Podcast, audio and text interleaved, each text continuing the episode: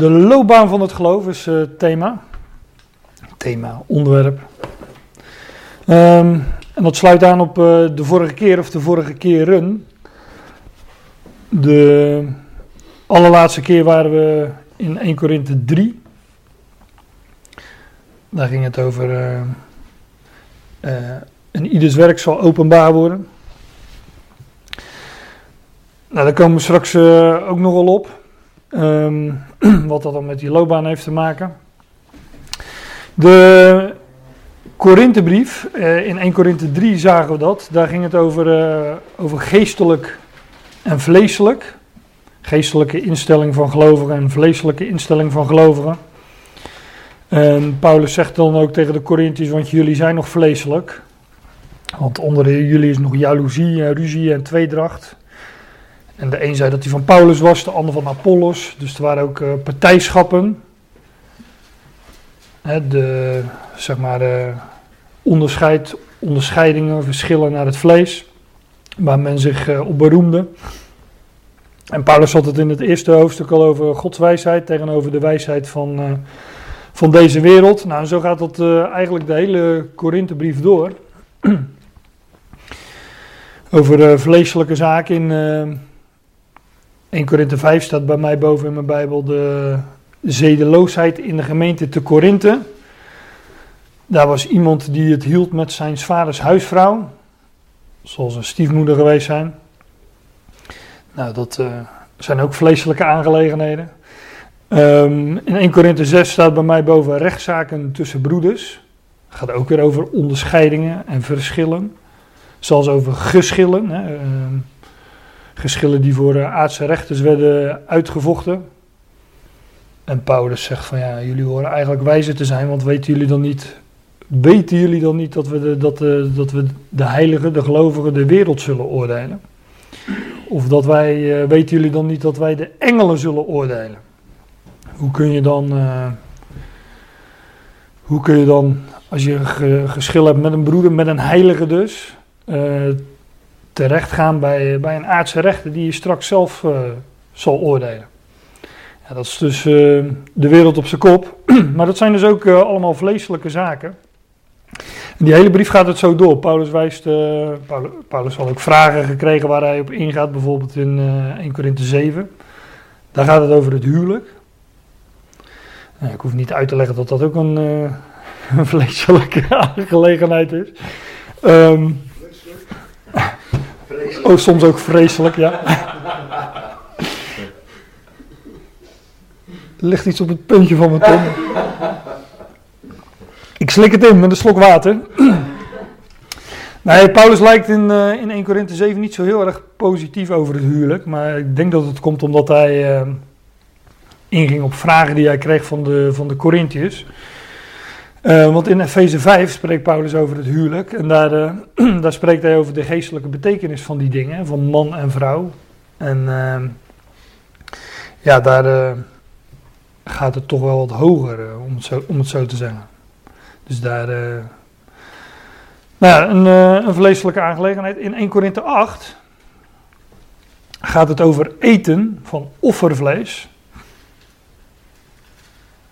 die Corinthiërs die leefden in een, uh, ja, in een wereld, in een maatschappij die, uh, waarin uh, afgoden werden vereerd, waarin aan afgoden werd, werd geofferd. En er waren bij die dat, vele van, van die Corinthiërs die nu geloofden in de ene God, die hadden zelf voorheen ook de afgoden gediend. En de gewoonte was daar blijkbaar om vlees ook aan, uh, aan afgoden te offeren voordat het werd, uh, werd gegeten. Nou ja, dus dat is ook uh, nogal een vleeselijke aangelegenheid. En Paulus zegt dan ook. Um, ja, dat, het ging daar met name om, om, om broeders die, die een een geweten staat er dan in de Statenvertaling, maar een, een, gewoonte hadden van de afgod. Zij dachten dus bij vlees, bij het eten van vlees, was het eerst wat in hun opkwam. Ja, maar is dat uh, dan niet aan de afgoden geofferd? Kan ik dat dan wel eten? En Paulus zegt daar, uh, ja, dat is, uh, dat is nog zwak als je zo denkt, want er is, er is één God. Voor ons nogthans is er maar één God de Vader, uit wie alle dingen zijn. Dus uh, die afgoden, die, uh, als je sterk bent, erken je geen afgoden. Dan weet je dat er maar één God is. En uh, de aarde en haar volheid is des Heren. Dat is weer 1 Korinthe 10. over die loopbaan, rembaan, daarin spreekt Paulus in, in 1 Korinthe 9. Nou, daar zijn we nu dus aangekomen na een korte samenvatting van, van wat er zoal in die in Korinthe speelde. Um, nou, in, uh, ik ga niet bij vers 1 beginnen. Maar ik wil wel even, even aanhaken op uh, waar het in het hoofdstuk over gaat, in hoofdstuk 9.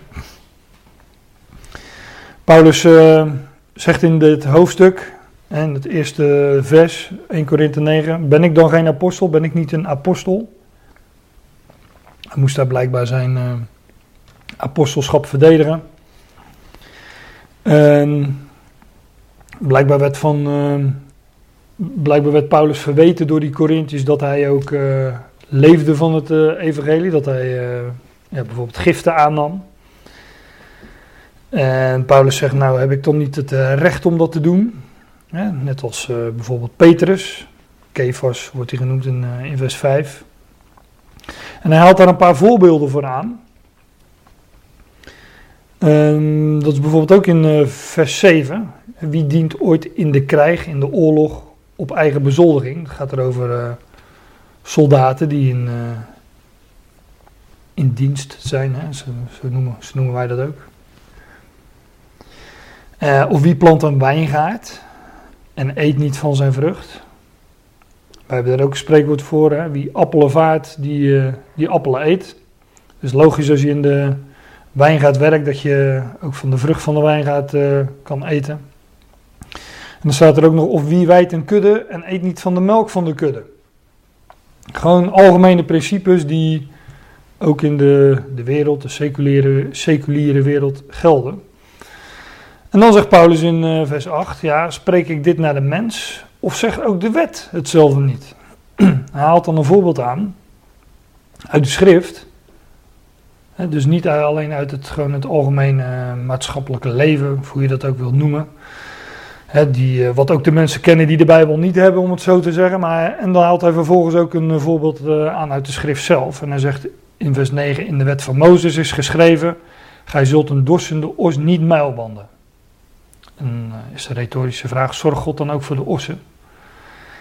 Of zegt hij dat om onze twil, vanwege ons? Nou, Paulus zegt dat is om onze twil geschreven. Die os is dus een beeld van, ja, van degene die, uh, die arbeidt, zoals, uh, zoals Paulus. En hij zegt wanneer we het geestelijke zaaien, dan hebben we ook macht, hebben we ook recht om het, het lichamelijke, het vleeselijke te maaien.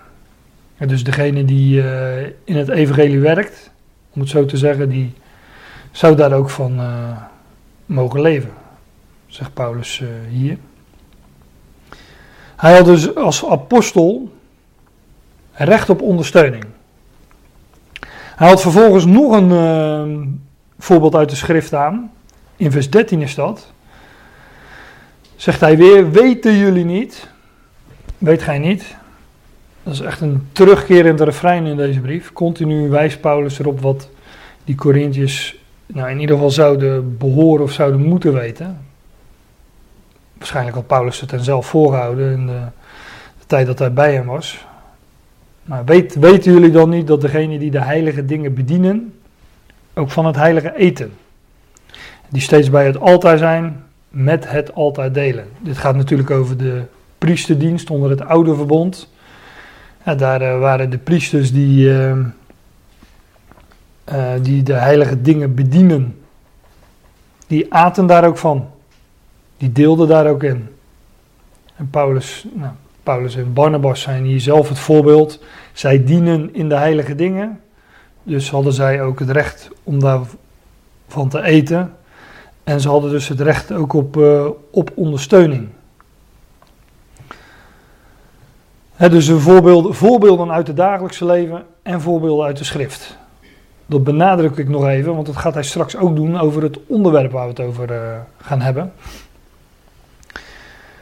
Wat ik dan ook nog moet zeggen, voordat ik in vers 19 uh, aanland, want uh, daar wil ik naartoe, is dat hij vervolgens dus wel zegt, vers 15, ik heb geen van deze dingen gebruikt. Paulus zegt, ik had dat recht wel, maar ik heb niet van het recht gebruik gemaakt. Ik had wel het recht op ondersteuning, maar ik heb, het, uh, ik heb er geen gebruik van gemaakt. Ik heb het niet gebruikt. En dan zegt hij, uh, ik ga die versen niet doornemen, maar dan uh, lees dat thuis nog maar eens na. Hij zegt dan ook um, dat hij er een, er een eer in stelde om het evangelie te verkondigen, om niet. In vers 18 zegt hij dat. Ja, in de Statenvertaling staat zoiets als uh, kosteloos stellen.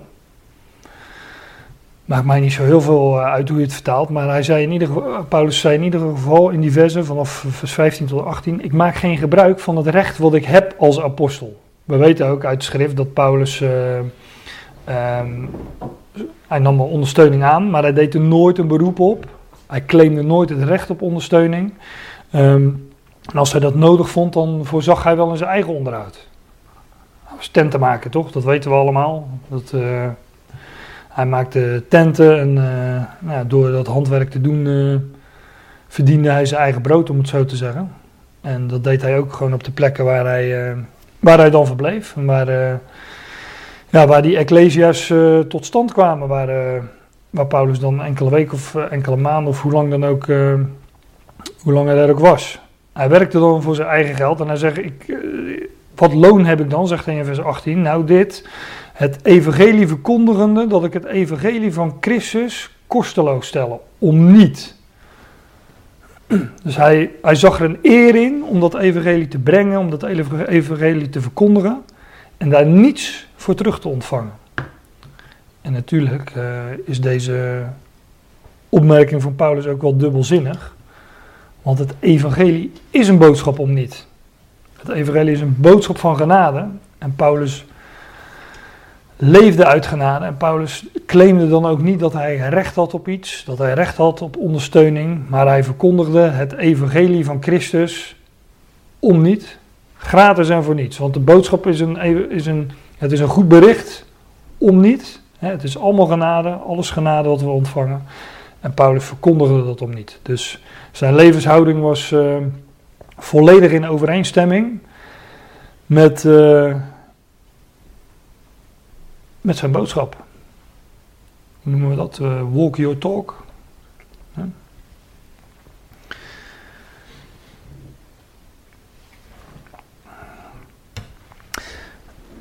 En dan ja, kom ik zo ongeveer aan in, in vers 19.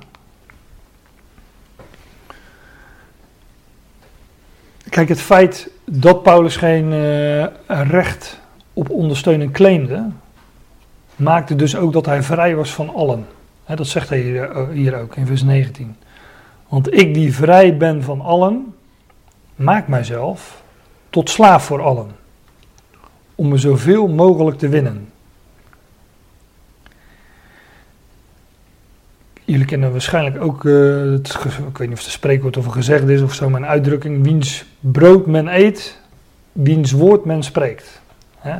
Uh, dat heb je natuurlijk al snel als je in dienst komt van een uh, organisatie, ook al is dat een religieuze organisatie, ja, dan zul je toch in je spreken moeten conformeren aan degene die jou betaalt. Anders zou het wel zo kunnen zijn dat het betalen ophoudt. Even netjes gezegd, denk ik. Hè? Maar Paulus zegt, ik ben vrij van allen. Want hij claimde geen recht op ondersteuning. En als hij al ondersteuning kreeg, was dat uh, vrijwillig van de ondersteunenden. Ik die vrij ben van allen. Maar zegt hij, ik maak mijzelf tot slaaf voor allen. Hij maakte zichzelf ondergeschikt aan allen. Om er zoveel mogelijk te winnen.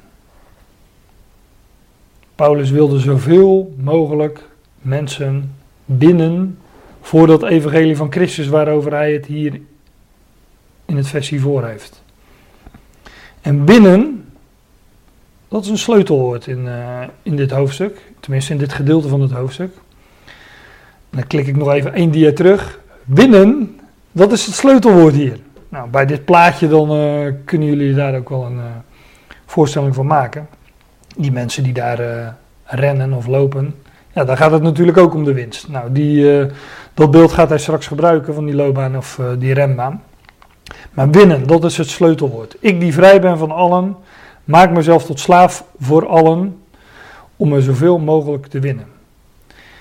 Kijk, hij was vrij van allen omdat hij geen financiële ondersteuning claimde, maar hij maakte zichzelf dus vrijwillig tot slaaf, namelijk ondergeschikte van allen. Dat deed hij met een bepaald oogmerk, namelijk om diegene te winnen. Kijk, als je als je geld aanneemt van mensen of als je geld claimt van mensen, hè, zoals ik zeg dat je salaris krijgt, dan, uh, maak, dan maak je jezelf daarmee ook slaaf van degene die je betaalt. Maar Paulus was in dat opzicht was hij vrij van allen. Maar hij maakte zich omwille van het evangelie wel ondergeschikt aan allen. Namelijk, het doel was om er zoveel mogelijk te winnen. En ik werd voor de Joden als een Jood. Niet zo moeilijk voor Paulus. Want dat uh, was zijn hele leven geweest. Uh, dus dat. Uh, ja, die gewoontes kende hij en hoefde zich daar ook niet voor te laten besnijden, dat was hij al. Ehm, maar ook alle gebruiken van de wet, ja, Paulus kende ze, dus het stond heel dicht bij hem natuurlijk. Hij werd voor de Joden als een Jood, om Joden te winnen. Dus onder Joden gedroeg hij zich als een Jood, hield hij zich uh, aan de voorschriften van de wet. Niet omdat hij vond dat hij dat moest, want dat zegt hij ook straks. Maar, uh, en hij zegt vervolgens voor hen die onder de wet zijn, als onder de wet. Dan zegt hij meteen achteraan, ik die zelf niet onder de wet ben. Maar ik deed dat om hen die onder de wet zijn te winnen. Paulus gedroeg zich dus onder Joden, gedroeg hij zich Joods als een Jood. Hij, deed aan, uh, aan de, uh, hij voldeed aan de voorschriften van de wet, de reinigingsvoorschriften, de voorschriften met betrekking tot, uh, tot kosher eten. En dat deed hij voor hen die onder de wet zijn, um, om hen die onder de wet zijn te winnen. Kun je je wel bij voorstellen, bij zijn Joodse volksgenoten ja, als je daarmee aan tafel wil, of als je daar, volgens mij is het zelfs zo, maar ik, ik, uh, ik ben er niet op afgestudeerd, zeg maar, maar volgens mij is het zelfs zo als je daarmee uh, in, in, bij elkaar in huis wil komen, zodat je aan bepaalde voorschriften moet houden. Als je bij, zeker als je bij elkaar aan tafel zit, dan, ja, dan zal je toch koosje moeten eten. Nou, Paulus voldeed aan al die dingen. Niet omdat hij onder de wet was, zegt hij, ik ben zelf niet onder wet, ik die zelf niet onder de wet ben. Maar hij deed dat om hen die onder de wet zijn te winnen. Weer dat begrip, winnen. Daar deed hij dat voor. Dat hij zelf niet onder de wet was, blijkt uit het volgende vers, want daar zegt hij: Voor hen die zonder de wet zijn, als zonder de wet. Ik die niet zonder de wet van God ben, maar wettig van Christus, kom er zo op terug om hen die zonder de wet zijn, weer te winnen. Paulus wilde degene die onder de wet zijn winnen. En hij wilde degene die niet onder de wet zijn, de heidenen, dus de niet-joden, die wilde hij ook winnen. Dit begrip wat hier, wat hier staat, voor hen die zonder de wet zijn als zonder de wet. Dat is het woordje anomos wordt vaak ook gewoon vertaald met uh, wetteloos. Kijk, hier zie je dat, de wettelozen. In uh, Lucas 22 bijvoorbeeld. Handelingen 2. Ook wettelozen eh, wordt het dan mee vertaald. Letterlijk is het zonder, degene zonder wet. Nou, dat zijn de niet-Joden, dat volk was, uh, de wet was aan één volk gegeven, het volk Israël.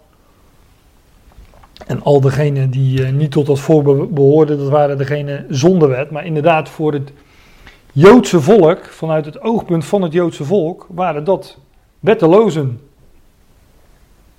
Maar letterlijk betekent het gewoon zonder wet. Maar inderdaad, ja, een Jood, een Jood uh, kijkt naar, in ieder geval in die dagen, keek naar de natieën als uh, ja, wettelozen. En zo worden ze in de schrift ook genoemd. Hè? Of honden, hondjes. Voor hen die zonder wet zijn, was Paulus dus als zonder wet. Ik die niet zonder de wet van God ben, maar wettig van Christus. Als je kijkt in, uh, ik weet niet wat, ik zie wat Bijbels, ik weet niet of jullie, voor, ja, voor jullie weet ik het wel, maar uh, wat er in andere vertalingen staat dan de Statenvertaling, maar hier staat, in de Statenvertaling staat maar voor Christus onder de wet. Nou, dat staat er dus niet. Paulus was niet voor Christus onder de wet. Laat ik dat ook even laten zien. Hij was wettig, staat hier, wettig van Christus. En nomos betekent letterlijk in, in wet. Wettig.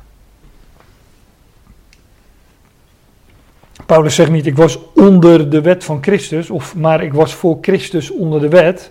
Nee, hij zegt, ik, ik ben wettig van Christus. Ik behoor hem toe. En dat, uh, dat dat inderdaad in overeenstemming met de wet is, dat is nog maar ook. Maar Paulus was wettig van Christus. Hij zegt, niet dat, uh, hij zegt hier niet alsnog dat hij onder de wet zou zijn, of voor Christus onder de wet. Nee, hij is wettig van Christus. Wettig, kan je dat vergelijken met onze betekenis van wettelijk? Ja, wettelijk. Ik denk dat wettelijk en wettig dat het, uh, dat het niet zo heel veel verschil is. Het is een uh, ja, in, in, de in wet, wettig, wettelijk. Ja.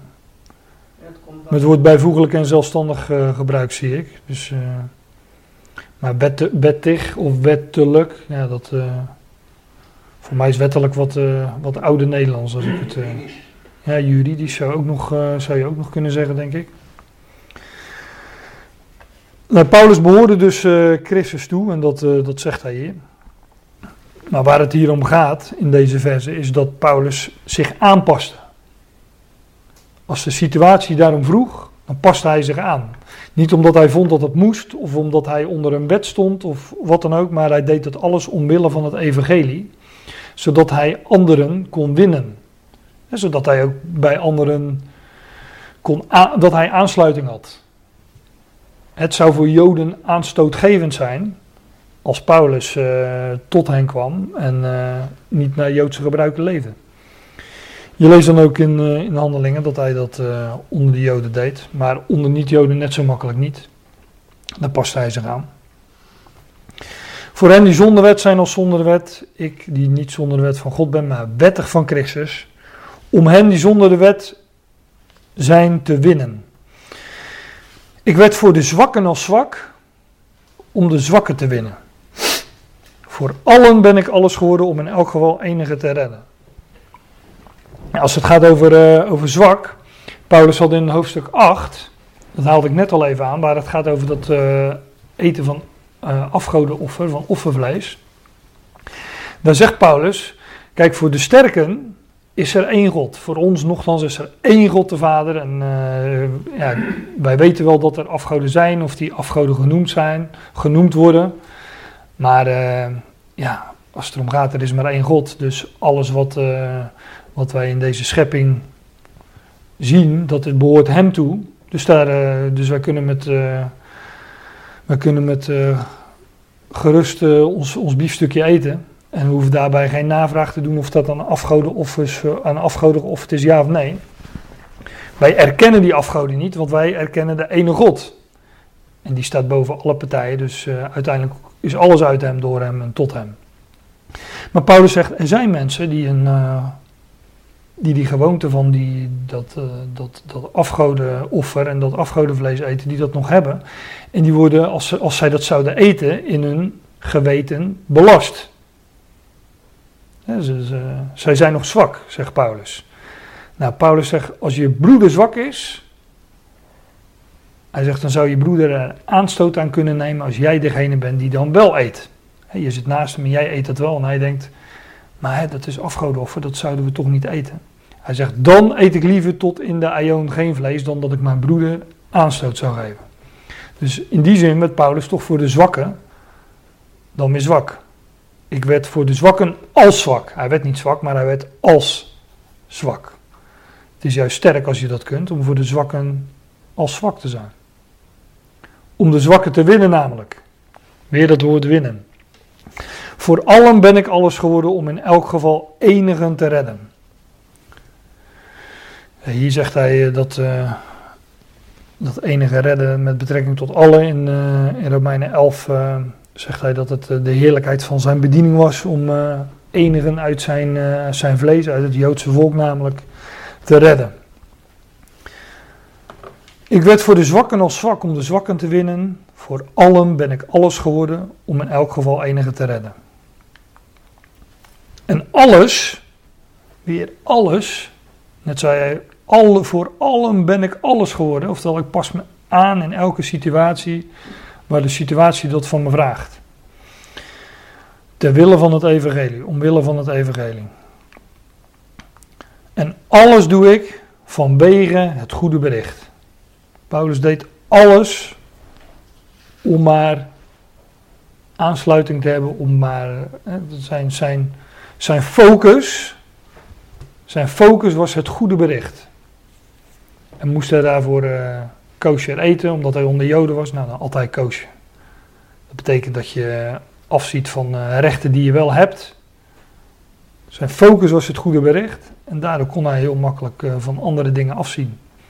Dat doe je vanzelf, als je ergens op gefocust bent. We komen er straks nog op, daarom uh, zeg ik dat nu alvast. Als je ergens op gefocust bent, dan zie je automatisch al af van andere dingen. En daar gaat Paulus straks een voorbeeld van noemen. Maar hier zegt hij nog: uh, Alles doe ik vanwege het goede bericht, omdat ik mede deelgenoot daarvan zal worden. Ja, dat is uh, zo. Daar zouden wel eens mensen voor kunnen denken: hé, maar had Paulus dan, was hij dan geen, had hij dan geen deel aan het evangelie? Paulus was toch een gelovige, hij kende het evangelie, hij uh, verkondigde het evangelie zelfs. Is hij dan nog hier uh, in twijfel of zo dat hij geen deel had aan het evangelie?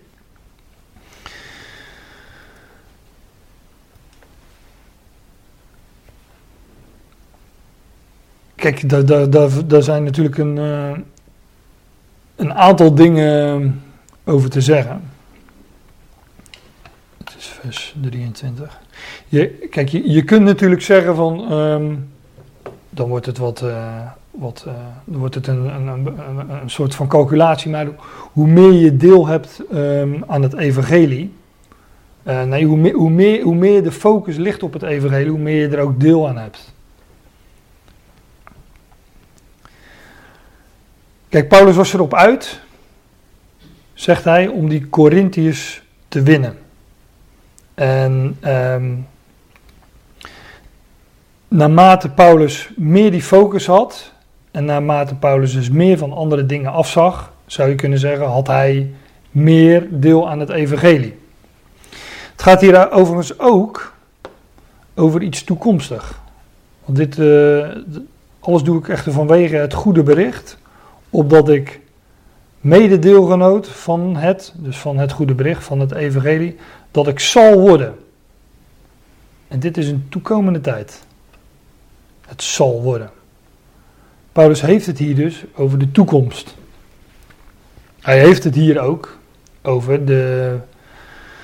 Waar we het de vorige keer over hadden, over de, bijvoorbeeld de Bema. De, het podium van Christus, waar elke gelovige zal verschijnen. Waar de prijzen zullen worden uitgereikt. Waar zal blijken of onze werken goud, zilver en kostbare stenen waren. Of hout, hooi en stro. En ik denk dat Paulus hier ook zegt dat in de mate waarin dat straks goud, zilver en kostbare stenen, namelijk onvergankelijke dingen, zullen blijken te zijn, dan ben je daardoor dus ook meer deelgenoot aan het evangelie. dan wanneer alles zal blijken hout, hooi en stro te zijn en zal verdwijnen. Paulus heeft het hier ook nog over. Um, het staat niet deelgenoot, maar er staat samen deelgenoot. Mededeelgenoot. Nou, het meest logische is natuurlijk dat hij hier spreekt over het deelgenoot hebben aan het evangelie. Met degene tot wie hij spreekt. Namelijk tot, uh, tot de Corinthiërs. Kijk, de volgende versen gaan erover dat over het lopen, het rennen in een rembaan. En degene die daar deelgenoot aan hebben, die lopen dus inderdaad in die rembaan. Degene die mede deelgenoot zijn van het evangelie, lopen samen in die rembaan. En ehm, Paulus gebruikt dat woord van een, van een renbaan, van een loopbaan, van... Uh, weten jullie niet dat die in de loopbaan lopen, allemaal lopen, maar dat één de prijs ontvangt? Maar zo'n loopbaan kende ook toeschouwers. Er zaten ook uh, toeschouwers op de tribune. Laat ik even naar het volgende vers gaan. Want weten jullie niet, daar is hij weer, hè, weten jullie niet, dat zij die in een stadion rennen, staat er letterlijk. Allen inderdaad rennen, maar dat één de trofee, één de prijs in ontvangst neemt.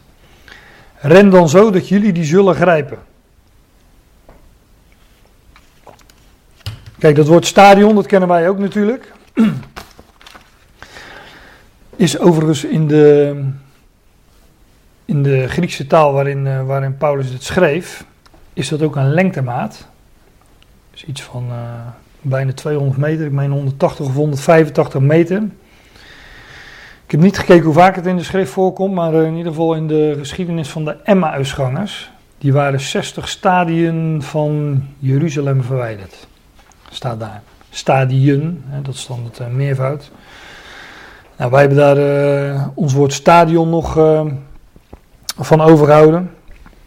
Maar blijkbaar was dat een, een, een, rondje wat mij rende. Dat was, een, dat was in het stadion. Weten jullie niet dat zij die in een stadion rennen? Allen inderdaad rennen, maar dat één de trofee, dat één de prijs in ontvangst neemt. Dus Paulus gaat hier het beeld, maar, het beeld gebruiken van een renbaan. Dat doet hij naar aanleiding van het, uh, van het voorgaande. En hij zegt: Weten jullie dan niet dat zij die in een stadion rennen, allen wel rennen, maar dat maar één dat maar één de prijs in ontvangst neemt. Ren dan zo dat jullie die zullen grijpen. Kijk, wat Paulus hier ook niet zegt, laat ik dat eerst, uh, laat ik dat daar eerst even op wijzen. Paulus zegt hier niet dat er maar één is die de prijs ontvangt. In het voorbeeld is er maar één die de prijs ontvangt. Maar hij zegt niet dat wij, als wij straks bij de Heer zullen zijn, of voor de, voor de Bama zullen staan, of de, voor het podium van Christus zullen staan waar uh, ieders werk openbaar zal worden, dan zegt hij niet, daar is er maar één die de prijs ontvangt. Hij zegt, in het voorbeeld wat ik jullie voor ogen houd, is het zo dat zij die in de renbaan, in het stadion rennen, dat er daar één is die de prijs ontvangt. Loop dan zo, namelijk op die manier, dat jullie die zullen grijpen. Daaruit blijkt ook wel dat er niet één is die de prijs ontvangt. Want hij noemt hier toch ook weer een meervoud. Ren dan zo dat jullie die zullen grijpen. Maar het gaat Paulus niet omdat er maar één is die de prijs ontvangt. Het gaat Paulus om de focus. Zoals een sporter, zoals een atleet in het voorbeeld, die focus heeft, rent in die renbaan, gefocust is op die prijs, die trofee. Hij zegt, ren dan zo dat jullie die, in, uh, dat jullie die zullen grijpen. Zij die in de renbaan rennen, zij die in de loopbaan lopen, ja, zij zijn gefocust op dat ene, op die prijs, op dat einddoel. Hij zegt, en jullie, weten jullie dan niet dat zij die in, die eh, in dat stadion, in die renbaan rennen, alle renners inderdaad, maar er is maar één die die prijs ontvangt. Ren dan zo, op die manier, dat jullie die zullen grijpen. Alle lopen, maar niet al, dat is eigenlijk het verhaal. Allen lopen wel, maar niet allen ontvangen de prijs. Het is niet zo dat er maar één de prijs ontvangt, maar het is wel zo dat allen lopen, maar niet allen prijs ontvangen. Even naar die, uh, naar die rembaan, want Paulus gebruikt dat, uh, dat voorbeeld, dat, uh, dat beeld gebruikt daar nogal eens. En zonder al te uitgebreid op al die schriftplaatsen in te gaan, heb ik er, ik meen een stuk of twee, drie afgedrukt. Om te laten zien dat hij dat niet alleen hier in 1 Korinthe 9 doet, maar bijvoorbeeld ook in 2 Timotheus 4. Ik heb de ideale strijd, de meeste vertalingen hebben daar de goede strijd. Ik heb de goede strijd gestreden. Ik heb mijn loopbaan tot een einde gebracht. Wat, uh, dit is Paulus' laatste brief, hè, 2 Timotheus, in het laatste hoofdstuk, hoofdstuk 4, waarin hij uh, ook aangeeft dat hij aan het einde van zijn, van zijn leven is gekomen, dus ook aan het einde van zijn loopbaan. En hij zegt, ik heb de goede strijd gestreden, ik heb mijn loopbaan tot een einde gebracht. Paulus had de loop gelopen, tot een einde gebracht. Hij was aan het einde van zijn loopbaan. En wat is die loopbaan? Waar gaat het om in die loopbaan? Ik heb het geloof bewaard. Paulus had gezien op dat ene. Paulus had, uh, Paulus' focus was geweest op één ding en dat was het evangelie. En hij zegt, uh, daar, uh, ben ik niet van afgebracht. Ik heb de goede strijd gestreden en ik heb mijn loopbaan tot een einde gebracht. Ik ben in dat evangelie blijven staan, want ik heb het geloof bewaard. Verder wordt de lauwe krans, vers 8, verder wordt de lauwe krans van de rechtvaardigheid voor mij gereserveerd, die de Heer, de rechtvaardige rechter, op die dag aan mij zal betalen. Maar niet alleen aan, maar niet alleen aan mij, hè, want uh, er zijn er meer die, uh, die de prijs ontvangen. Niet alleen aan mij, maar ook aan allen die zijn verschijning hebben liefgehad. Hier blijkt dus wel uit dat, uh, ja, dat er niet één is die de winst haalt, maar dat er, of die, die beloond zal worden. Maar ook aan allen die zijn verschijning hebben liefgehad, zal de Heer op die dag de lauwe krans uh, betalen. Op die lauwe krans kom ik straks nog wel even terug. Erekrans staat er meestal in de vertaling. we waren vorige keer, of nee, dat was die keer ervoor, in 2 Korinthe 5, hè, waar staat: Wij moeten allen geopenbaard worden voor het podium van Christus, opdat een ieder zal ophalen dat wat door het lichaam geschied is, zo goed het zij kwaad. Nou, hier staat, hier wordt het net weer iets anders gezegd. Op die dag zal de Heer, de rechtvaardige rechter, aan mij die erekrans uh, betalen. En aan iedereen die zijn verschijning heeft liefgehad. Dat was uh, 2 Timotheus 4. Dit is uh, Hebreeën 12. Daarom ook laten ook wij, die een zo grote wolk van getuigen rondom ons hebben. En dit eerste deel van het vers is een terugverwijzing naar Hebreeën 11. Waar gesproken wordt over die, uh, die geloofshelden. He, door het geloof heeft Abraham door het geloof uh, heeft Mozes nou, enzovoort. Zo worden al die oud-testament, nou niet alle, maar zo worden een aantal oud-testamentische gelovigen naar voren gebracht. En Paulus, of de schrijver van de Hebreeënbrief, noemt dat hier een grote wolk van getuigen. Daarom ook laten ook wij, die een zo grote wolk van getuigen rondom ons hebben, elke belemmering en de gemakkelijk omringende zonde wegdoen. En met verduren de wedstrijd rennen die voor ons ligt. Volgens mij heeft de Statenvertaling hier de, de loopbaan. De loopbaan lopen die voor ons ligt. Ook hier dus dat, dat, dat, eh, de, ja, het voorbeeld van een, eh, van een loopbaan, van een rembaan en een wedstrijd. Elke belemmering wegdoen en de, de, gemakkelijk omringende zonde. Zonde is in de Hebreeënbrief uh, in de eerste plaats ongeloof maar met verduren, de wedstrijd rennen, de loopbaan lopen, die voor ons ligt. Dan, wordt, dan vervolgt het vers eh, met zoiets als ziende op onze overste leidsman en de voleinde van het geloof, de Heer Jezus Christus. Hij is, hij is ook die loopbaan gegaan, hij is ook zijn loopbaan gegaan. En hij heeft dat gedaan, dat staat ook nog in Hebreeën 12, heeft hij het kruis gedragen, hij heeft de schande veracht, hij is in geloof die weggegaan, om de heerlijkheid, om de vreugde die hem voorgesteld was. Namelijk opstanding uit de dood. En daar, daardoor, daardoor is hij, uh, ja, daarvoor is hij de loopbaan gegaan. En wij mogen ook die loopbaan. In verduren mogen wij die wedstrijd rennen die voor ons ligt, die loopbaan lopen die voor ons ligt en zien op hem. op het geloof van Jezus Christus. Um, ja, heb ik er nog één. Uit Filippenzen 3. Paulus ook.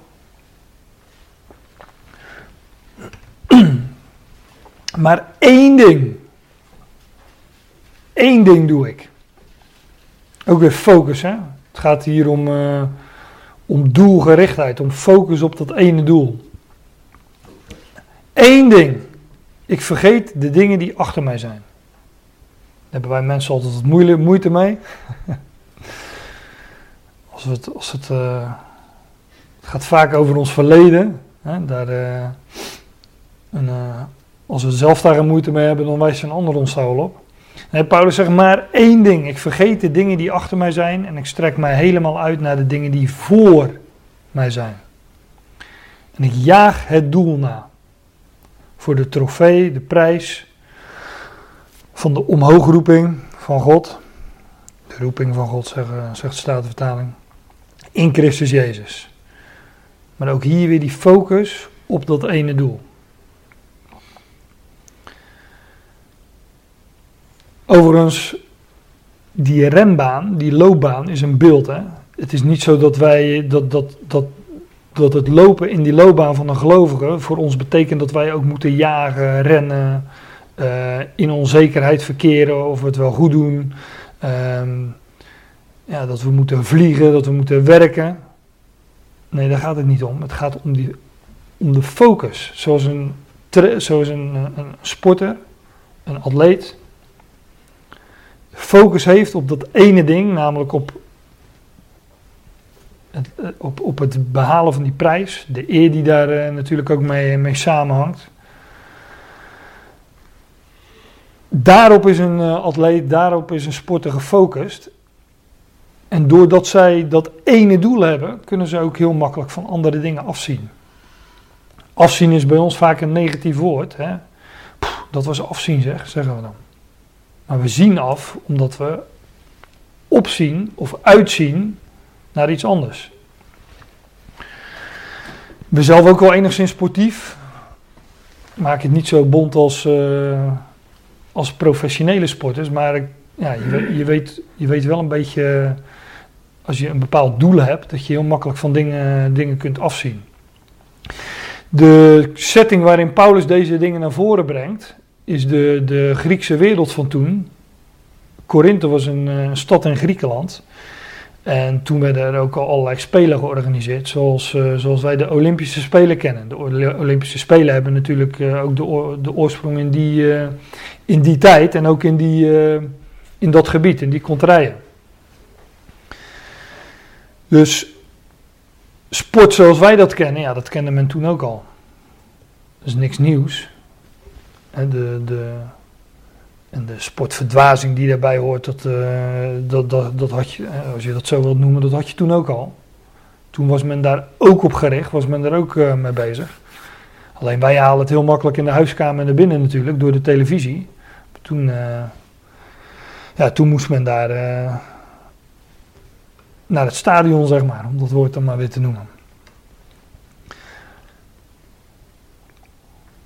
Maar het gaat om die focus. Paulus zegt maar één ding.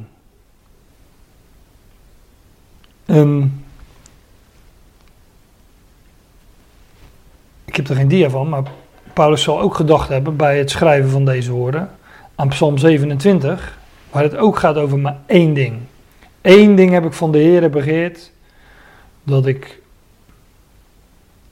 mag, hoe gaat het, hoe gaat het ook weer, wie helpt me? Dat ik mag wonen in zijn tempel of iets dergelijks en daar zijn liefelijkheden mag aanschouwen. en de tempel is uh, de plek waar, uh, waar God woonde. En is de plek waar het volk onderwijs ontving. Uit het, uit het woord, maar ook vanuit de beelden van uh, de priester en de hoge priester. Nou ja, Paulus zegt ook in deze brief: Weten jullie dan niet dat jullie eh, lichaam, het lichaam van Christus ook natuurlijk, een tempel is van de Heilige Geest? Daar is waar, dat is de plek waar Gods Geest nu in woont, want hij woont, hij woont in ons. Ook bijvoorbeeld bij eh, de geschiedenis van Maria en Martha gaat het ook over dat ene ding. Daar zegt de Heer Jezus tegen Martha: Martha, Martha, jij verontrust je over veel dingen. Maar één ding is nodig. En Maria, haar zus, daar zegt de Heer van, zij, Maria heeft het goede deel gekozen. Nou, was Maria aan het jagen, aan het rennen en aan het vliegen?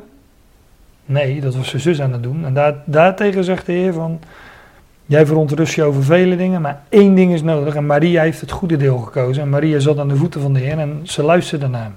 Zij luisterde naar zijn woord. En dat was dat ene ding waarvan de Heer zegt: van dat is het goede deel.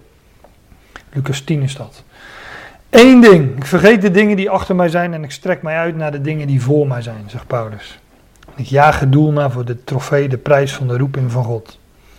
In Christus Jezus.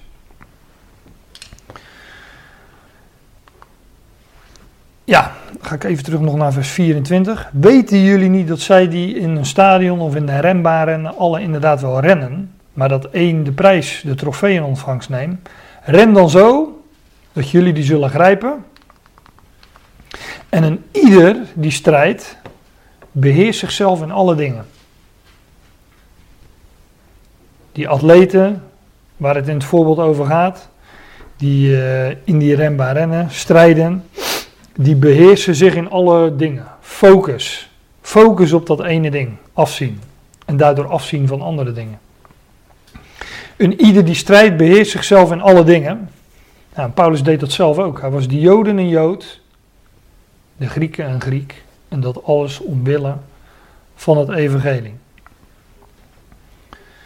En hij zegt, degene dan, diegene dan, om een vergankelijke lauwerkrans een vergankelijke erekrans. Er werd, uh, ja, er werd in die dagen. Tegenwoordig krijg je bij de Olympische Spelen een uh, medaille om je nek als je aan het eind de winnaar bent. Maar daar werd men uh, gekroond met een, met een lauwe krans. Een kransje van, wat is het, laurierbladeren, denk ik. In ieder geval, nou ja, in ieder geval takjes, maar wat, wat het ook is, het, het, is een vergankelijke erekrans, een vergankelijke lauwe krans. En daar zagen die atleten, die zagen daarvoor af. Dat is nog steeds zo. Om uiteindelijk daar in de prijzen te vallen op die Spelen of die Olympische Spelen bijvoorbeeld. Ja, daarvoor moet je maanden, uh, nou, misschien wel jaren afzien om om daar uiteindelijk op dat podium te staan. Dat doen ze allemaal voor vergankelijke eer. Nou, ja, goud is een beeld van onvergankelijkheid. ja. Uh, ieder die strijdt beheerst zichzelf in alle dingen. Diegene dan om een vergankelijke lauwe een vergankelijke erekrans in ontvangst nemen. Maar wij een onvergankelijke. Wij zullen bekroond worden met een onvergankelijke erekrans, een onvergankelijke lauwe krans, zegt Paulus.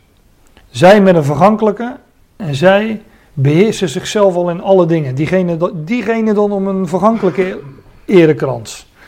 Nou, wij om een onvergankelijke.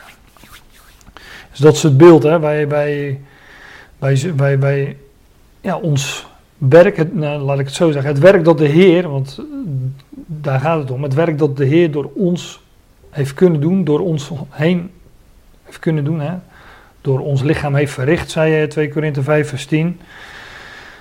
Dat wordt beloond en dat zal blijkbaar, uh, dat, dat zal onvergankelijk zijn.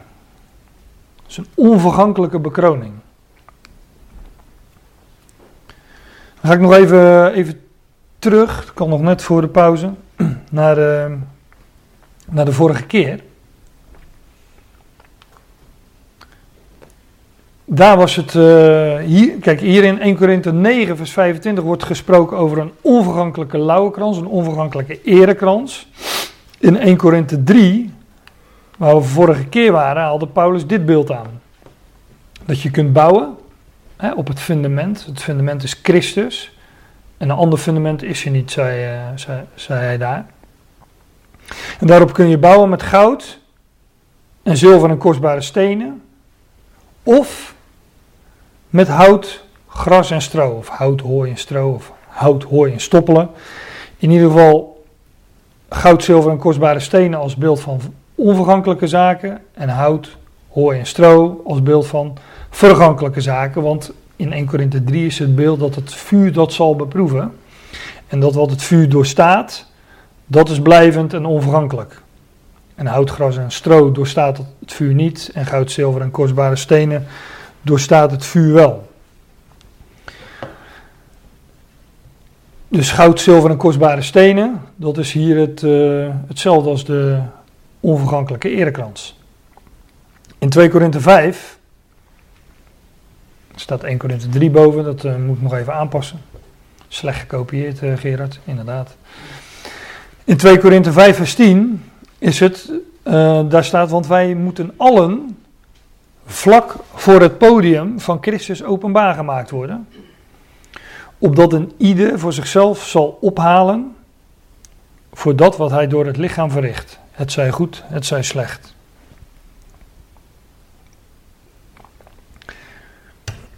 In 2 Korinthe 5 is er dus het beeld dat wij voor het podium van Christus komen en dat daar openbaar gemaakt zal worden wat door het lichaam is verricht. Het zij goed, het zij kwaad. Het zij goud, zilver of kostbare stenen, of hout, hooi en stro.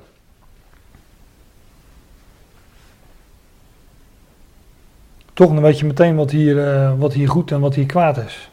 Als je die beelden allemaal naast elkaar legt. Het goede in dit vers, in 2 Korinthe 5, is, wat is hetzelfde als wat in 1 Korinthe 3 goud, zilver en kostbare steen is. Namelijk onvergankelijke zaken. En het slecht of het kwaad, zeggen de meeste vertalingen. Ja, dat is wat hout, hooi en stro is. Dat is wat zal verdwijnen. Het gaat hier niet over zonden, die weer opgerakeld worden of die weer, uh, of waarvoor alsnog, uh, waarvoor we alsnog in staat van beschuldiging worden gesteld, want er is geen veroordeling voor degenen die in Christus Jezus zijn. Nee, hier wordt beoordeeld wat door het lichaam is verricht. Het zij goed, het zij kwaad.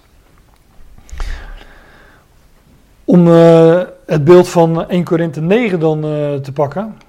Even kijken. Goed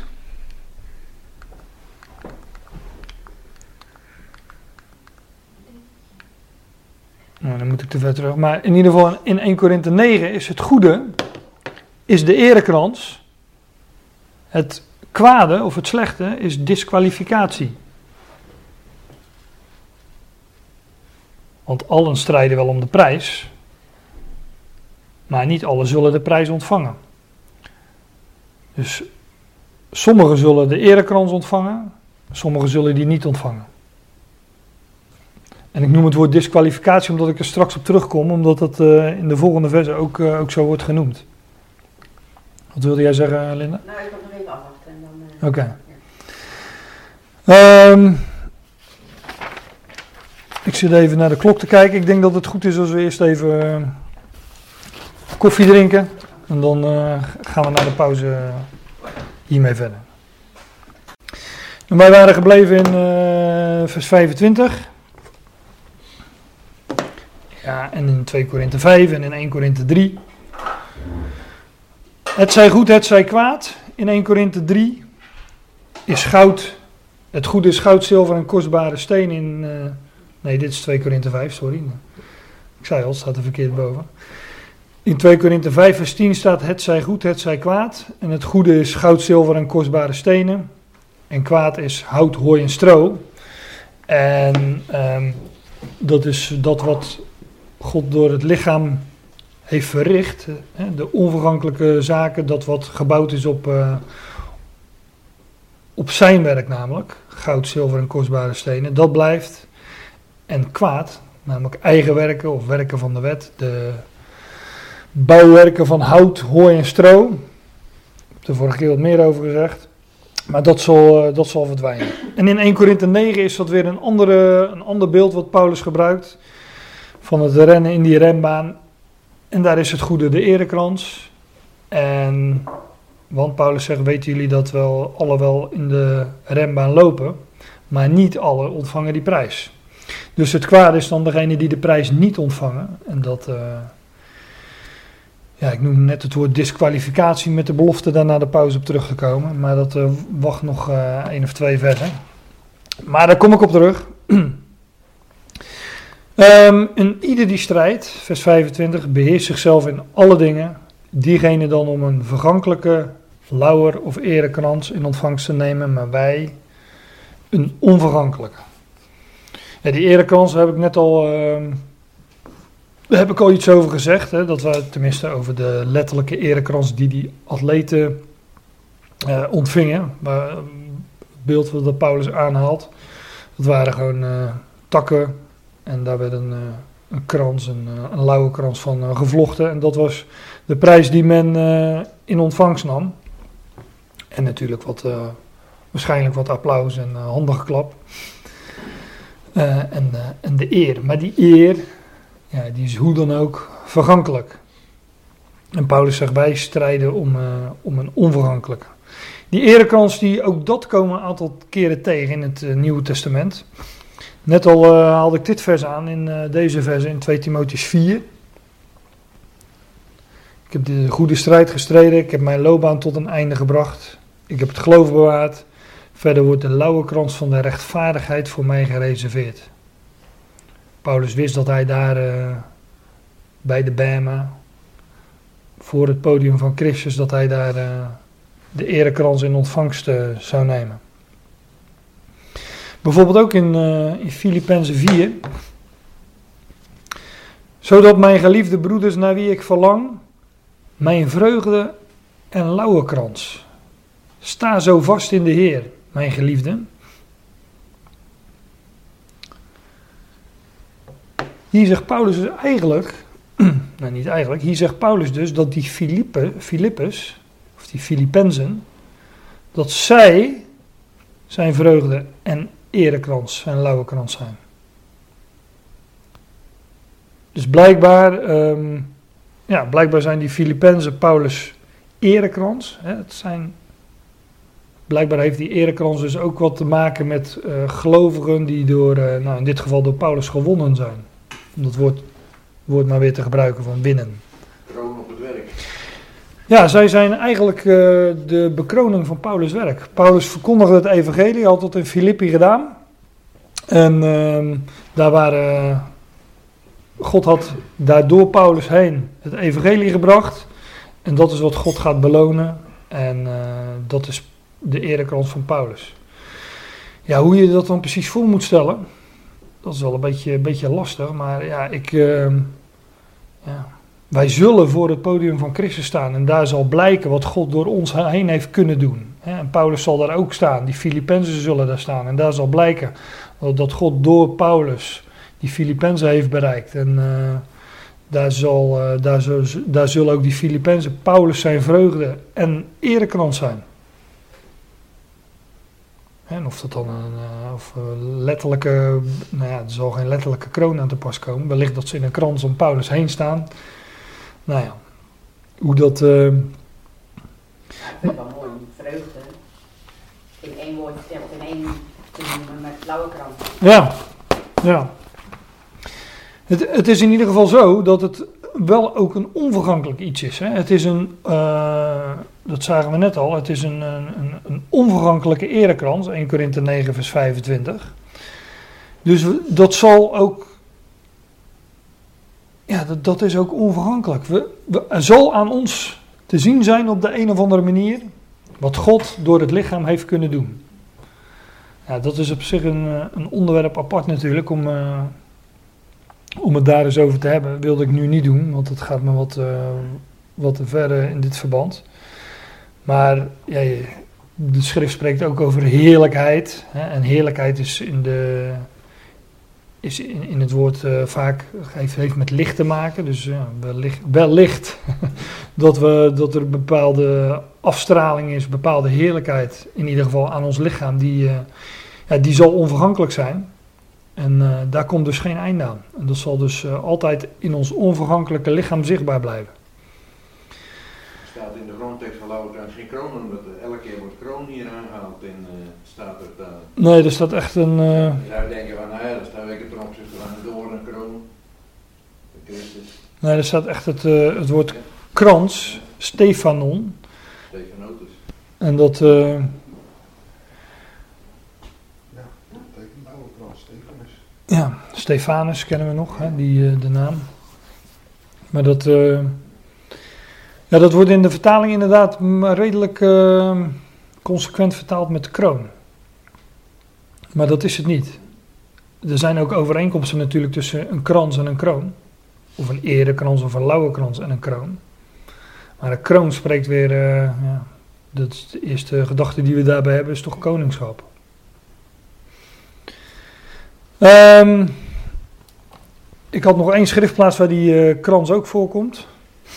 Het is ook een mooie. 1 Thessalonicense 2 vers 19 en 20. Wie is onze hoop? Hoop is verwachting, hè? dus het ziet ook uit naar de toekomst. Wie is onze hoop, onze verwachting, of vreugde, of roemrijke lauwekrans? Erekrans van roem, staat er, of lauwekrans van roem. Wie is onze hoop, of vreugde, of erekrans van roem, roemrijke lauwekrans? Vlak voor onze Heer Jezus in zijn parousia, in zijn aanwezigheid. Die anders dan jullie.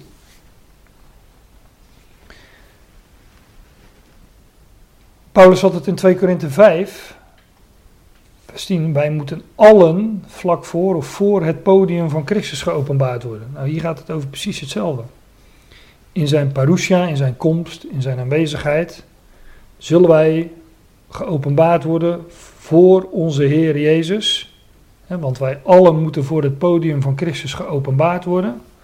En Paulus zegt, wie is onze hoop of vreugde of lauwe krans? anders dan jullie, zegt hij tegen de Thessalonicenzen. Dus ook hier weer, die krans, die erekrans, die lauwe krans. Dat zijn, uh, dat zijn de, degenen die, uh, die God bereikt heeft door Paulus heen.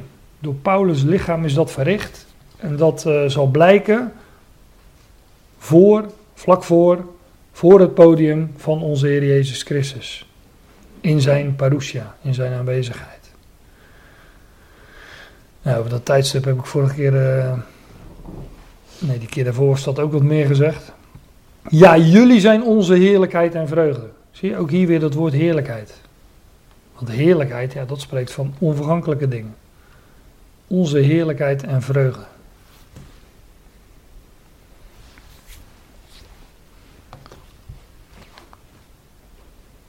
Als dat zo is, ga ik even terug naar uh, wat dan. En ieder die strijdt beheerst zichzelf in alle dingen, vers 25. Diegene dan om een vergankelijke lauwkrans in ontvangst te nemen, maar wij een onvergankelijke.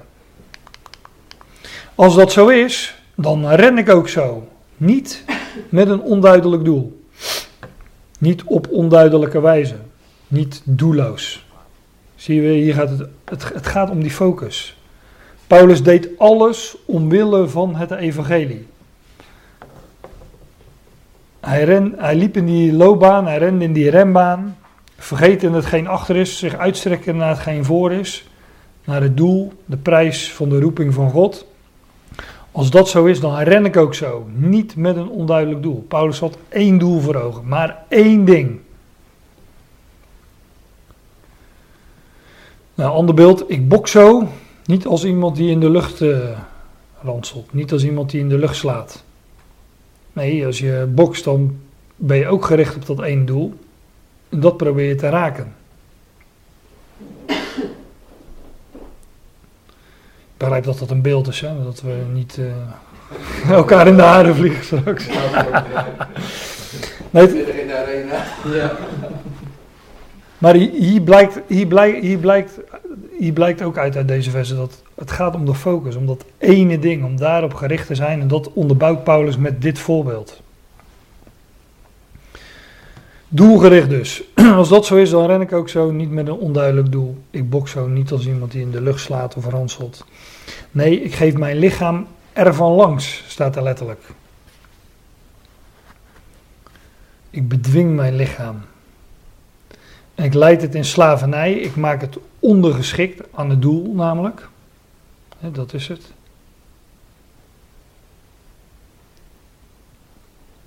Ik breng het tot uh, slavernij. Ik geef mijn lichaam ervan langs en ik leid het in slavernij. Dat is het beeld. Ondergeschikt maken van, uh, ja, van, van alles eigenlijk. Want hij deed alles voor allen zei Paulus uh, in eerdere versen. Omwille van het evangelie, dat is zijn doel.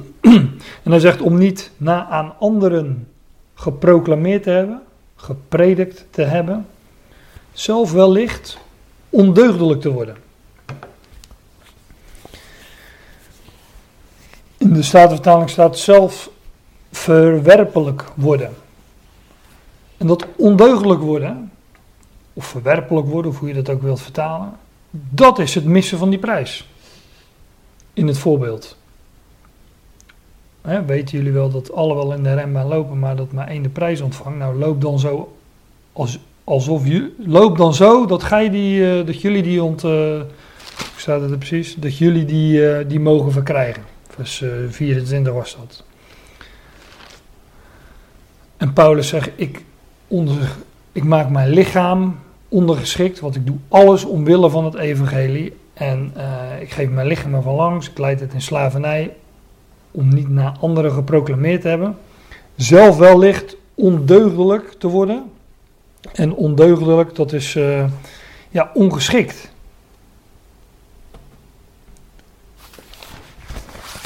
Um, ongetoetst, niet, niet niet juist getoetst. Ja, dat, dat is hetzelfde als, als ongeschikt zijn. En ik uh, haalde net het woord gedisqualificeerd aan, want de concurrent version die ik hier, uh, die ik hier heb liggen. Dus uh, jullie kunnen straks onderzoeken of deze dingen al zo zijn. Maar daar wordt het woord gebruikt disqualified. Gedisqualificeerd. Want het, het gaat over dat beeld van de rembaan. En Paulus zegt, ja, alle lopen wel, maar niet allen ontvangen die prijs. En er zullen er zijn die de erekrans ontvangen. Maar er zullen er ook zijn die uh, ongeschikt, een ongeschikt leven hebben geleid. Die niet gebouwd hebben met goud, zilver en kostbare stenen. Maar met hout, hooi en stro. En dat zal verdwijnen. En in het beeld van die wedstrijd is het of je ontvangt de erekrans. Of je bent ongeschikt gebleken. En je wordt gedisqualificeerd. En dat betekent dat je... Uh, ja, dat is ongeschikt verklaard, gedisqualificeerd. Er is geen veroordeling voor degenen die in Christus Jezus zijn, maar wat met hout, hooi en stro gebouwd is, dat verdwijnt. En daar in 1 Korinthe 3 overigens, daar wordt gezegd dat dat, uh, uh, dat zal verdwijnen, ja, dat zal verbeurd worden of zo, zoiets dergelijks stond er. dat, zal je, dat, dat, dat, dat zal men kwijtraken. Dat wat er aan de buitenkant wel ligt, Um, ja, dat wat er aan de buitenkant wellicht uh, indrukwekkend uitzag. Bouwwerken van uh, hout, hooi en stro. Grote, het zag aan de buitenkant wellicht mooi uit en vroom. Uh, maar als het, als het hout, hooi en stro blijkt te zijn, dan zal het verdwijnen en verbeurd worden. En blijkbaar kan een gelovige dus een verloren leven leiden dat men, daaraan, dat men daar voor het podium, dat alles zal verdwijnen, dat het vuur dat zal beproeven. Dat staat ook in 1 Korinthe 3. Maar hij zelf zal behouden worden, maar al zoals door vuur. En het hout, hout, hooi en stro, ja, dat verdwijnt. En dat is hier ehm, in het voorbeeld ondeugdelijk of verwerpelijk of disqualified, hoe je het ook wilt zeggen. In het beeld van die rembaan. Um, ja, in 1 Korinthe 3 wordt dat weer anders beschreven. Daar is het, het hout, hooi en stro dat verdwijnt door het vuur. Maar de, de gelovige zelf, ja, die zal behouden worden. Maar je kunt dus blijkbaar als gelovige een uh, verloren leven geleid hebben. En gebouwd hebben op de verkeerde dingen.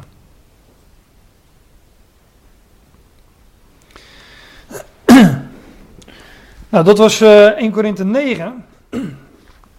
Maar daarna volgt gewoon 1 Korinthe 10. Dan staat er, want ik wil niet dat jullie onwetend zijn, broeders, dat onze vaders alle onder de wolk waren en alle door de zee heen gingen. Kijk, wij hebben een hoofdstukindeling. We gaan nu van 1 Korinthe 9 naar eh 1 Korinthe 10. Maar Paulus' betoog gaat gewoon verder. Dat blijkt ook wel uit het woordje want. In de Statenvertaling staat en, zie ik. Maar in de grondtekst staat want.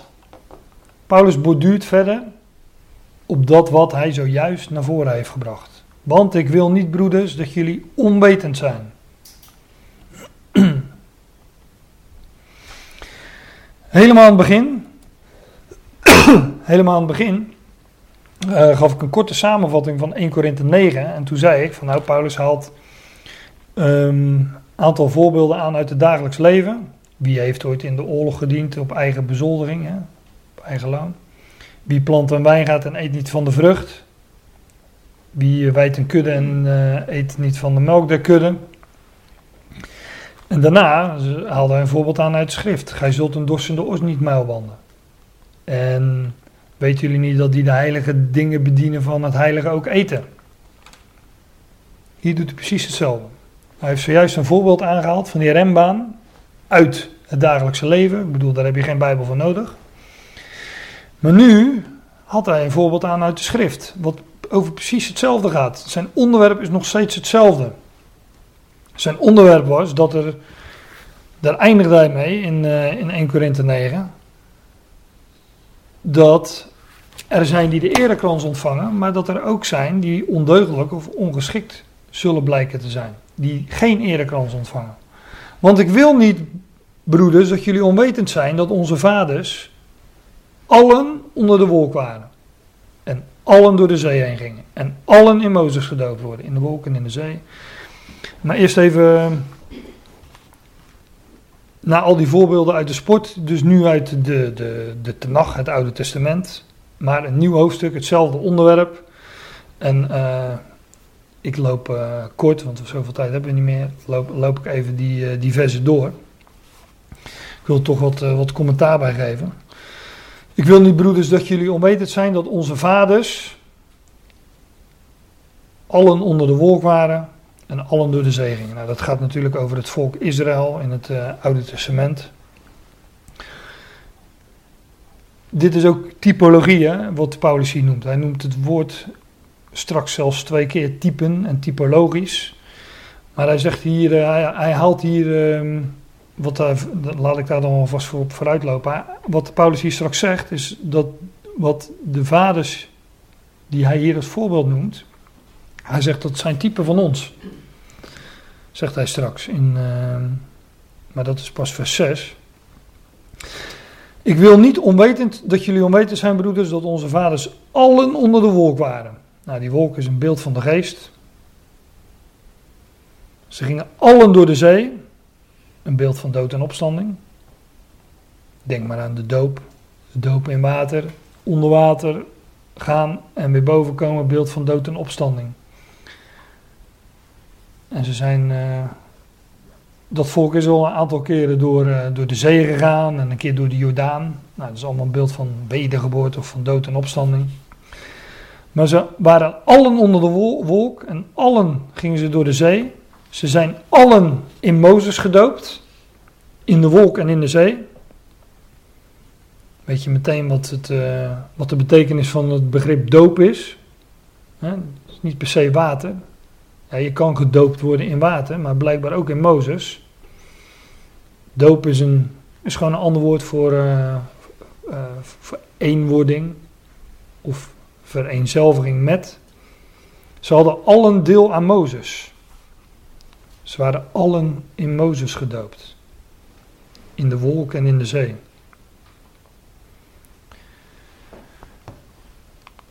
In uh, 1 Korinthe 12 zegt Paulus, want in één geest worden wij allen tot of tot in één lichaam gedoopt.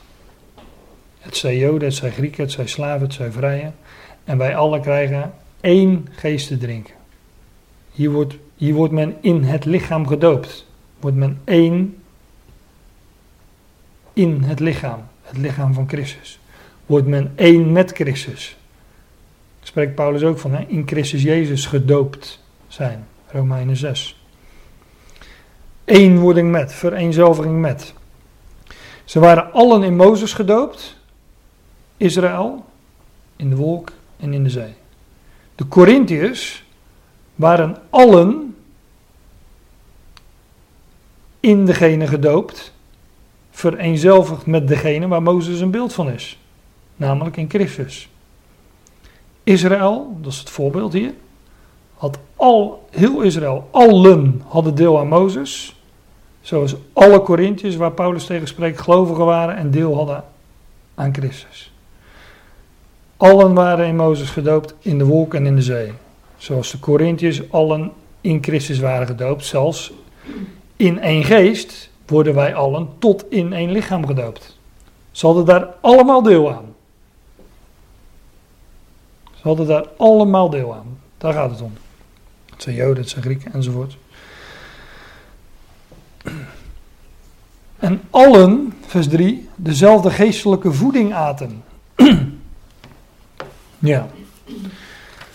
Ja, ik moet er wat snel doorheen, maar dit is, dit is natuurlijk ook een lesje van typologie, hè? Een lesje in typologie van Paulus. Want ze, hoezo aten ze geestelijke voeding dan? Ze aten toch uh, manna, wat elke, elke dag uh, uit de hemel neerkwam. Ja, dat was, het was letterlijk hemelsvoedsel, maar het is ook een uitbeelding van hemelsvoedsel. Zoals Mozes uh, dat zelf zegt in uh, Exodus 16. Daar gaat het over dat manna. Toen de Israëlieten dat zagen, dat manna, zeiden zij tegen elkaar: Wat is dat? In het Hebreeuws is dat: Wat is dat? Dat is manna. Ze zeiden dus: Huh? Zo heette dat spul dus. Manna. Huh? Dat spul dat uit de hemel kwam, dat heette: Wat is dat? Manna. Want zij wisten niet wat het was. Mozes zei tegen hem: dit is het brood dat de Heere, dat Yahweh, u te eten gegeven heeft. Dit is het woord dat de Heere geboden heeft. Dus het brood dat de Heer u te eten gegeven heeft, is een beeld van het woord dat de Heer geboden heeft. Dus Mozes zei het al, dat, het, uh, dat dat letterlijke voedsel een uitbeelding is van geestelijk voedsel, namelijk van het woord van God. Nou, daarom staat dat hier ook. Hadden Allen aten ze dezelfde geestelijke voeding. En allen dronken zij de dezelfde geestelijke drank. Allen dezelfde geestelijke drank dronken. Want zij dronken uit een geestelijke rots die hen volgt. Ze dronken natuurlijk uh, letterlijk water uit een letterlijke rots, maar ook dat heeft een geestelijke betekenis. Namelijk die rots was Christus. Staat erachter. En de rots was Christus. En wat Christus voortbrengt, namelijk water, dat is een uitbeelding van het woord van God. Van geestelijke zegeningen. Ja, en die rots die hem volgt, hè, die rots die volgde, want die komen we nog al een aantal keren tegen in, uh, in de woestijnreis van Israël. Maar zij aten en dronken van geestelijk voedsel, van geestelijke drank, uit een geestelijke rots. En zij deelden daarmee in wat God gaf. De Corinthiërs aten ook dezelfde geestelijke voeding. Zij dronken dezelfde geestelijke drank. En zij waren allen in Christus. Die Corinthiërs. Vers, uh, even terug, vers uh, eh, 1 tot 4, want ik wil niet dat jullie onwetend zijn, broeders, dat onze vaders allen onder de wolk waren. Allen door de zee heen gingen. Allen in Mozes gedoopt worden, in de wolken in de zee. Allen dezelfde geestelijke voeding aten. Allen dezelfde geestelijke drank dronken. Ze dronken uit de geestelijke steenels die hen volgden en de rots was Christus. Maar, God heeft in het merendeel van hen geen welbehagen, want zij werden in de wildernis, in de woestijn, neergeveld. Allen liepen wel in de renbaan, Alle liepen wel in de loopbaan, maar niet allen ontvingen de erekrans. Dat was het beeld, eh, het, het, het algemene beeld. Hè? Eh, waar, waar- ik zei al, waar je geen Bijbel voor nodig hebt. Nu is het beeld ontleend aan de schrift. Allen dronken uit die rots, allen dronken dezelfde geestelijke drank, allen waren in de wolk en in Mozes en, in, eh, en gingen door de zee. Ze hadden daar allemaal deel aan, ze waren allemaal verlost uit Egypte. Israël, heel Israël had daar deel aan, ze waren allemaal verlost uit Egypte, maar God, ze, maar God heeft in het merendeel van hen geen wel. Want ze werden in de woestijn neergeveld. En het beeld dat Paulus gebruikt is, allen lopen wel in de renbaan, maar niet alle ontvangen de erekrans. Allen zijn wel uitgeleid uit Egypte, maar niet alle kwamen in het beloofde land. Want in het merendeel heeft God geen welbehagen gehad. Het merendeel werd gedisqualificeerd, zou je kunnen zeggen. Werd neergeveld in de woestijn. Bleek ongeschikt. En dat eh, merendeel, nou dat is een eh understatement, want het waren uiteindelijk maar twee. Hè? Jozua en Caleb zijn de enige twee die aangekomen zijn in het, eh, in het beloofde land. En met die verspieders, twaalf verspieders werden uitgezonden. Ze kwamen alle twaalf terug. Tien zeiden van, is een onneembaar land, reuzen, machtige vestingen, grote steden, dikke muren. Gaat ons niet lukken. En er waren er twee die zeiden van, inderdaad, sterk land, dikke muren, grote steden, maar God heeft het beloofd. Die stonden op Gods belofte. En daarin heeft God dus een welbehagen. God, heeft, en God had in het merendeel geen welbehagen en zij werden in de woestijn, in de wildernis, neergeveld. Israël, allen uitgeleid, niet allen ingegaan. De Corinthiërs, gelovigen, allen gelovigen, ja, alle behoren tot het lichaam, tot de Ecclesia, maar in het merendeel heeft God geen welbehagen.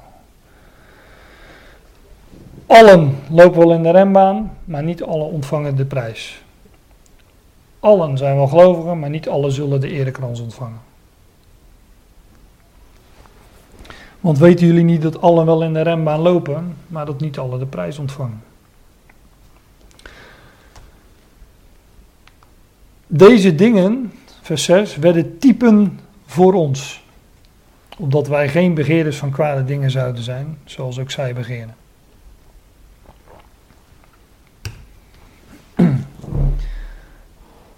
Ik vind dit altijd schitterende versen. Omdat, kijk, er zijn altijd mensen die moeite hebben met typologie. En eh, nou, hier wordt gezegd dat de, de hele woestijnreis van het volk Israël en alles wat daar gebeurde, dat werden typen voor ons. En dit, wo- dit woord dat eh, in de, in de vertaling staat, zoals eh, staat in eh, staat zoiets als voorbeeld, of eh, ik weet niet of andere vertalingen hebben. Maar staat echt dit woord, typoi, typen. Die dingen met het typen van ons, voor ons. Model, er staat model voor ons. Dat zijn voorbeelden voor ons, typen. Wordt ook geen afgodendienaars, zoals sommige van hen. Zoals er geschreven staat, het volk ging zitten, gaat zitten om te eten en te drinken en ze staan op om plezier te maken. Ja, dit... als je een Bijbel zoals ik, dan staan er verwijzingen bij. En eh, hier, hier gaat het over Exodus 32, het gouden kalf. Ik ga dat allemaal niet opzoeken, want als het nou één vers was, had ik wel een dia van gemaakt. Maar dat zijn ook eh, hele schriftgedeelten. En eh, ja, dan, eh, als je het opzoekt, moet je er ook wat over gaan zeggen. Dus dat, eh, dat, dat gaan we nu maar niet doen. Nee, word geen afgodendienaars. Zoals sommige van hen, zoals er geschreven staat, nou, enzovoorts. En dan, en laten wij ook geen ontucht plegen, zoals sommige van hen ontucht plegen. En dan vallen op één dag 23.000. Ja, dit zijn gewoon allemaal eh, voorbeelden uit de geschiedenis van het volk Israël. Hier werd er, eh, eh, gaat het over nummer 25. Over de, het, hoereren met de dochters van de Moabieten en hun goden. Oh, daar gaat het ook weer over afgodendienst. En afgodendienst is, is altijd het eren van een ander dan de ene God. Als wij het hebben over afgodendienst of uh, zoals het ging bij dat gouden kalf uh, enzovoorts, dan denken we ja, misschien dat ligt heel ver bij ons vandaan. Maar afgodendienst is gewoon niet het vereren van de ene God, niet God als God erkennen.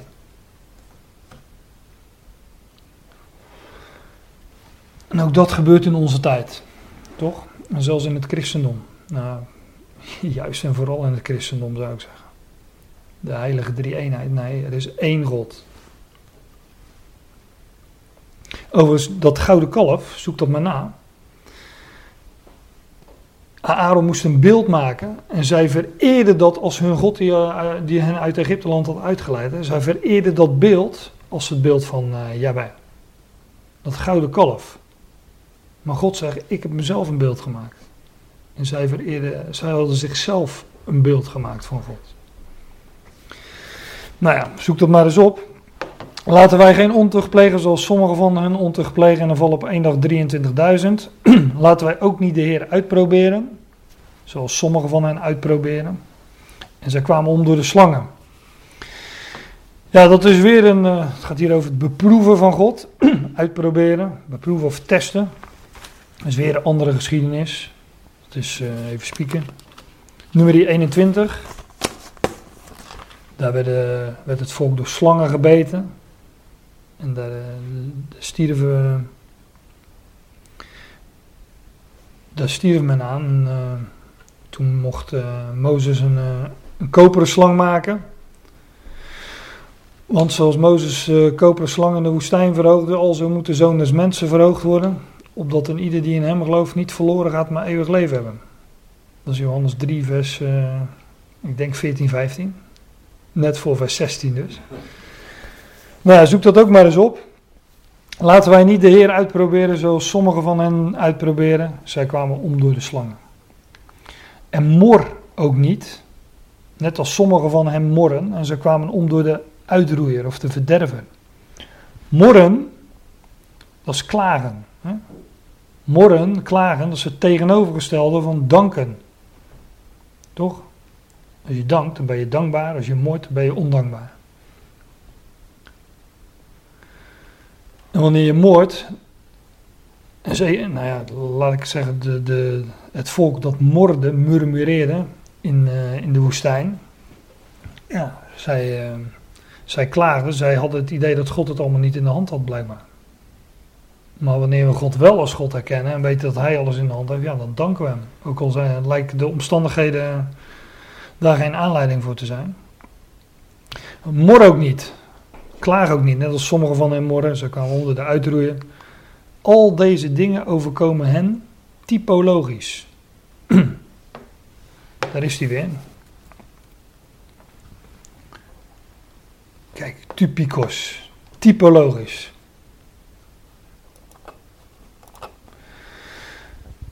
Die dingen zijn hen typologisch overkomen. Bij de typen van ons, voor ons. Dat vers 6. Het zijn dus typen, het zijn beelden. Deze dingen overkomen hen typologisch en het werd geschreven tot onze attendering. Ja, dat, uh, dat woord attendering is uh, opgebouwd uit twee woorden. Het gaat over denken of verstand, plus het woord plaatsen. Dus in het denken of in het, voor het verstand, voor het denken plaatsen. Iemand attenderen. Deze dingen overkomen hen typologisch. Het is geschreven tot onze attendering, want de, de einden van de ionen hebben ons bereikt. Nou ja, over de ionen hebben we het wellicht een andere keer uh, weer eens. Maar het einde van de ionen is de. Dat zijn de ionen waarin. Uh, ja, de steeds meer uitnemende ionen, maar de, de ionen waar ook uh, de nieuwe schepping tot stand ingebracht zal worden. De nieuwe hemel en nieuwe aarde. En wij zijn al een nieuwe schepping in Christus. Dus de einden van de ionen, die hebben ons al bereikt.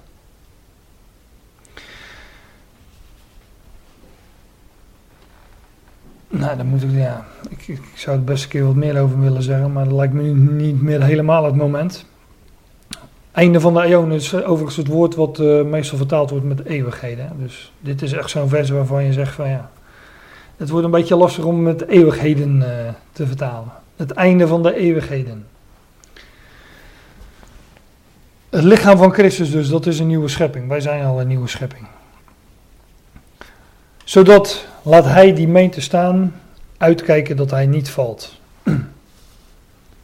Kijk, dat, dat hele voorbeeld van die, van, die, van die loopbaan, van die rembaan, van een, een ieders werk dat openbaar zal worden, dat wij voor het podium zullen verschijnen van Christus, waar een ieder zal ophalen wat door het lichaam is verricht.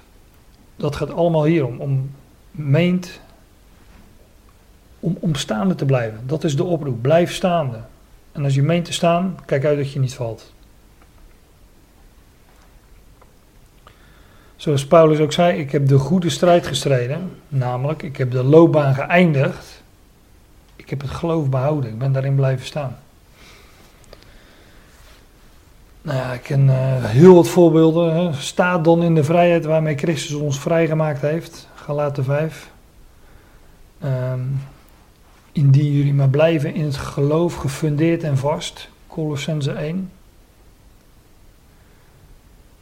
1 Korinthe 15, de laatste vers. Word standvastig, onbewegelijk, altijd overvloedig in het werk van de Heer. Altijd die oproep tot standvastigheid.